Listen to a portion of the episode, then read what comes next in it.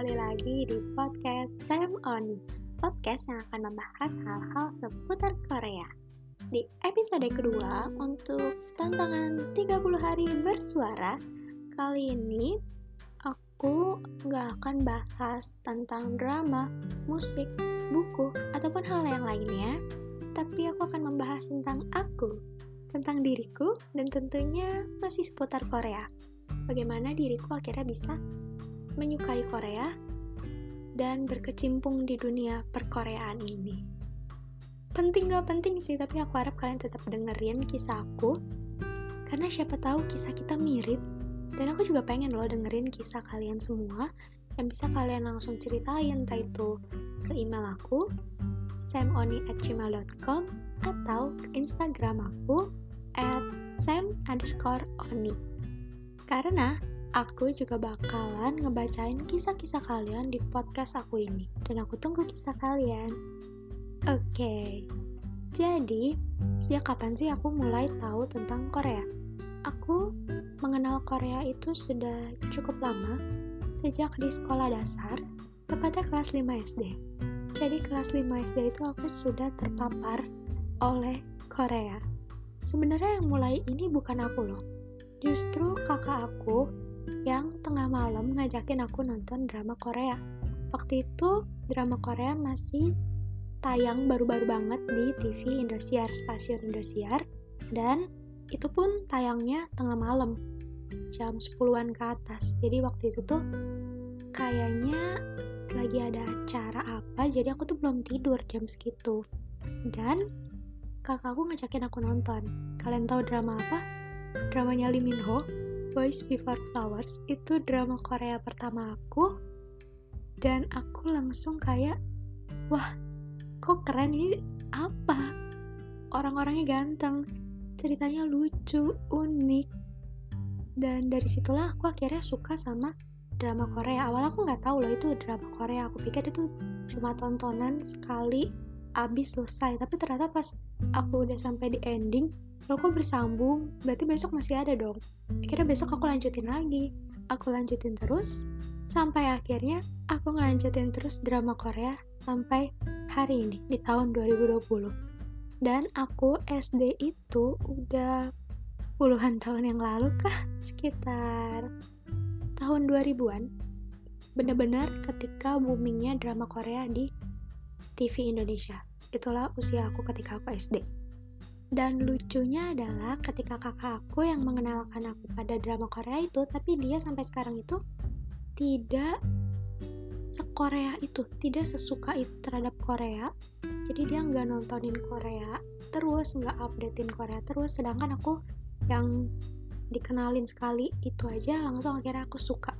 Sejak saat itu, aku selalu nontonin drama Korea yang tayang di TV karena waktu itu kan memang aksesnya cuma televisi kalaupun mau beli kaset atau CD wah itu aku masih belum diperbolehkan.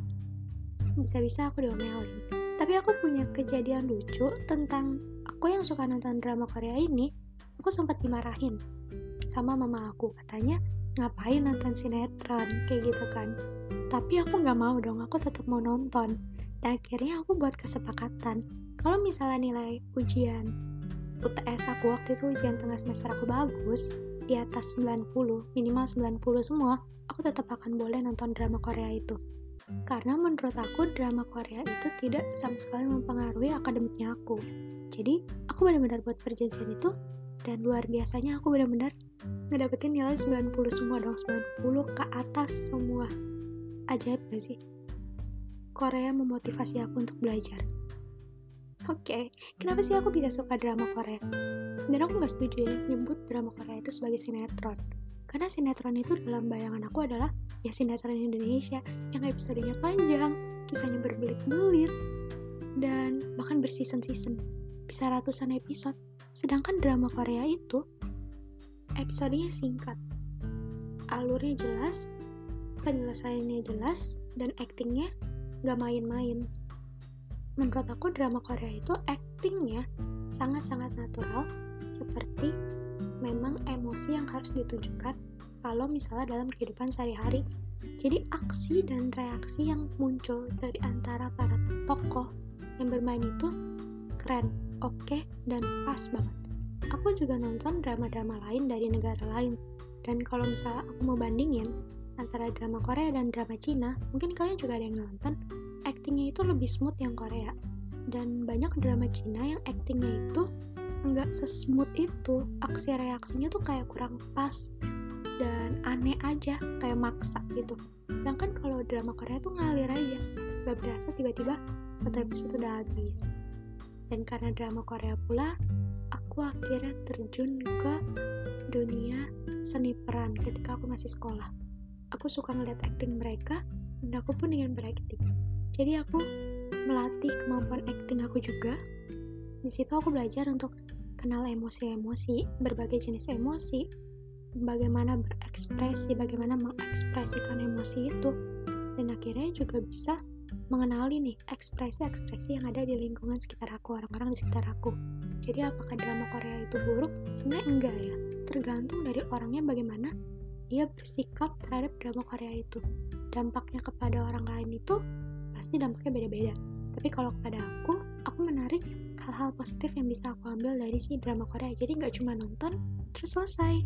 Nggak cuma nonton terus pengen ikutin fashionnya dan meminta uang kepada orang tua secara maksa aku mau ini aku mau itu enggak jadi apa yang bisa aku ambil itu ya aku ambil dan aku terapkan salah satunya itu tadi aku masuk ke dunia seni peran ketika aku masih sekolah dan itu sangat menyenangkan tapi apakah aku terus menerus aku pernah vakum loh.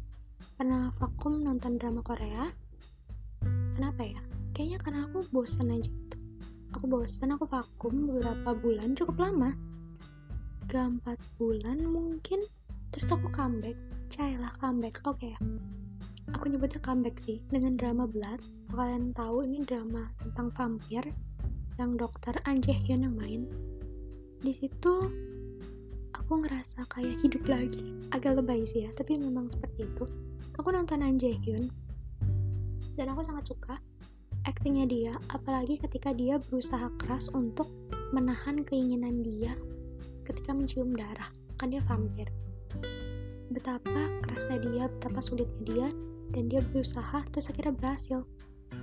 Pas aku lihat aktingnya dia, ketika dia menahan rasa sakit dan keinginannya itu semua, kan rasanya kasihan ya, rasanya iba, rasanya kayak ya ampun luar biasa banget. Dan ini aku terapin loh dalam kehidupan aku. Ketika aku akhirnya mulai merasa malas untuk melakukan sesuatu kegiatan yang memang harus aku lakukan, kayak kewajiban aku, apa itu kewajibannya yang gak penting juga ya aku ceritain aku berusaha menempatkan diri kayak An Jae Hyun agak lebay sih tapi ini berguna mungkin kalian bisa juga lakuin hal itu ya jadi aku kayak membayangkan diri aku adalah An Jae Hyun yang harus menahan segala godaan malas segala keinginan untuk nggak mau ngelakuin itu terus aku bangun bangkit dan berusaha untuk ngelakuin kewajiban itu ini menurut aku yang menarik dari drama Korea karena banyak acting-acting atau scene-scene di drama Korea itu yang bisa jadi motivasi kita. Contohnya aja, yang lagi booming sekarang ini kan startupnya ya. Dramanya startup, Soldami. Banyak banget yang ngeparodiin Soldami ketika dia lagi mau bersemangat, dia kibasin rambutnya ke belakang, terus dia ikat rambutnya, terus dia berjalan dengan pedenya seperti menuju masa depan, kesuksesan yang akan dia raih, usaha keras yang akan dia lakukan terus ada soundtrack musik running dari Gaho dan itu banyak banget orang-orang yang aku lihat ngeparodiin hal itu lucu sih iya lucu dan menarik untuk diparodiin tapi gak ada salahnya loh ketika itu benar-benar kamu lakuin. Ketika nggak ada orang yang lihat di ruangan belajar kamu masing-masing atau di ruangan kerja kamu masing-masing kamu ikat rambut kamu kamu setel musik yang penyemangat kamu terus merasakan diri kamu sebagai seorang sodalmi yang akhirnya memulai ngetik gitu ya atau ngerjain tugas dengan penuh semangat dengan membara-bara semangatnya dan akhirnya itu kamu akan menyelesaikan tugas kamu jadi drama Korea ini bukan cuma tentang ceritanya tentang aktor atau artis yang ganteng-ganteng tentang fashionnya mereka budayanya mereka yang mereka juga promosikan makanan yang dipromosikan di drama Korea itu tentang jalan ceritanya, romansanya, konfliknya, tapi juga gimana tentang perkembangan karakter si tokonya ini. banyak banget karakter tokoh yang bisa kita tiru bisa kita jadikan motivasi dalam diri kita di mana kita seolah-olah kita menjadi ya tokoh itu kayak menjadi soldami yang bersemangat ketika dia udah ikat rambut ketika jadi An yang berusaha menahan keras keinginan untuk minum darah dan pasti masih banyak lagi. Jadi apakah aku menyesal di usia yang sangat muda mengenal Korea dan akhirnya terjun ke dalamnya bahkan sampai detik ini uh, jawaban aku adalah tidak karena Korea benar-benar membuat aku melihat diri aku, kemampuan aku, dan membuat aku punya mimpi yang lebih lagi. Salah satunya ya mimpi aku ke Korea gitu lah ya. Dan untuk mencapai itu pasti butuh usaha, butuh kerja, kan butuh duit buat beli tiket dan segala macamnya dan itu yang menjadi penyemangat aku dan apakah aku termasuk kecanduan karena sudah sejak SD gitu ya dan menurut aku tidak karena definisi kecanduan itu adalah ketika kamu gak bisa lepas dari hal itu dan kalau lepas nanti kamu bisa kayak orang sakau gitu bisa kesakitan. Dan aku masih bisa lepas kok dengan Korea itu. Aku masih bisa kerjain kegiatan aku sehari-hari. Aku masih bisa untuk nggak nonton mungkin dalam seminggu dua minggu. Kalau memang ada kegiatan lain yang lebih penting. Jadi aku nggak kecanduan. Aku suka Korea, iya betul, tapi nggak kecanduan. Dan Korea ini menjadi salah satu motivasi aku. Dan itulah awal mulanya aku suka Korea. Kalau ini versi drama Korea ya. Awal mula aku akhirnya jatuh cinta sama drama Korea dari ketidaksengajaan kakak aku yang mengajak aku untuk nonton drama Boys Before Flower, dianya enggak ikutan jadi suka Korea kayak aku tapi akunya yang kejebak di situ bukan kejebak sih ya. Mungkin takdir yang membuat aku akhirnya mengenal Korea. Tapi aku bersyukur karena mengenal Korea menjadi bagian dalam diri aku menjadi bagian dalam hidup aku dan menjadikan aku sampai sekarang ini. Salah satunya ya Korea itu.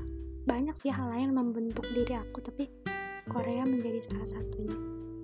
Dan apakah dia berperan besar? Aku nggak bisa bilang dia berperan besar juga. Tapi dia berperan karena masih banyak faktor lain juga yang berperan dalam kehidupan aku. Tapi Korea salah satunya. Dan itu dia awal mula aku menyukai Korea. Kalau kamu bagaimana? Itu dia ya podcast hari ini. Penting gak penting sih ya tapi aku hanya ingin berbagi. Mungkin salah satu dari kalian ada yang kisahnya sama seperti aku. Siapa tahu. Thank you semuanya yang udah mendengarkan sampai akhir di episode kali ini. Stay tune terus dan sampai berjumpa di episode selanjutnya. Annyeong!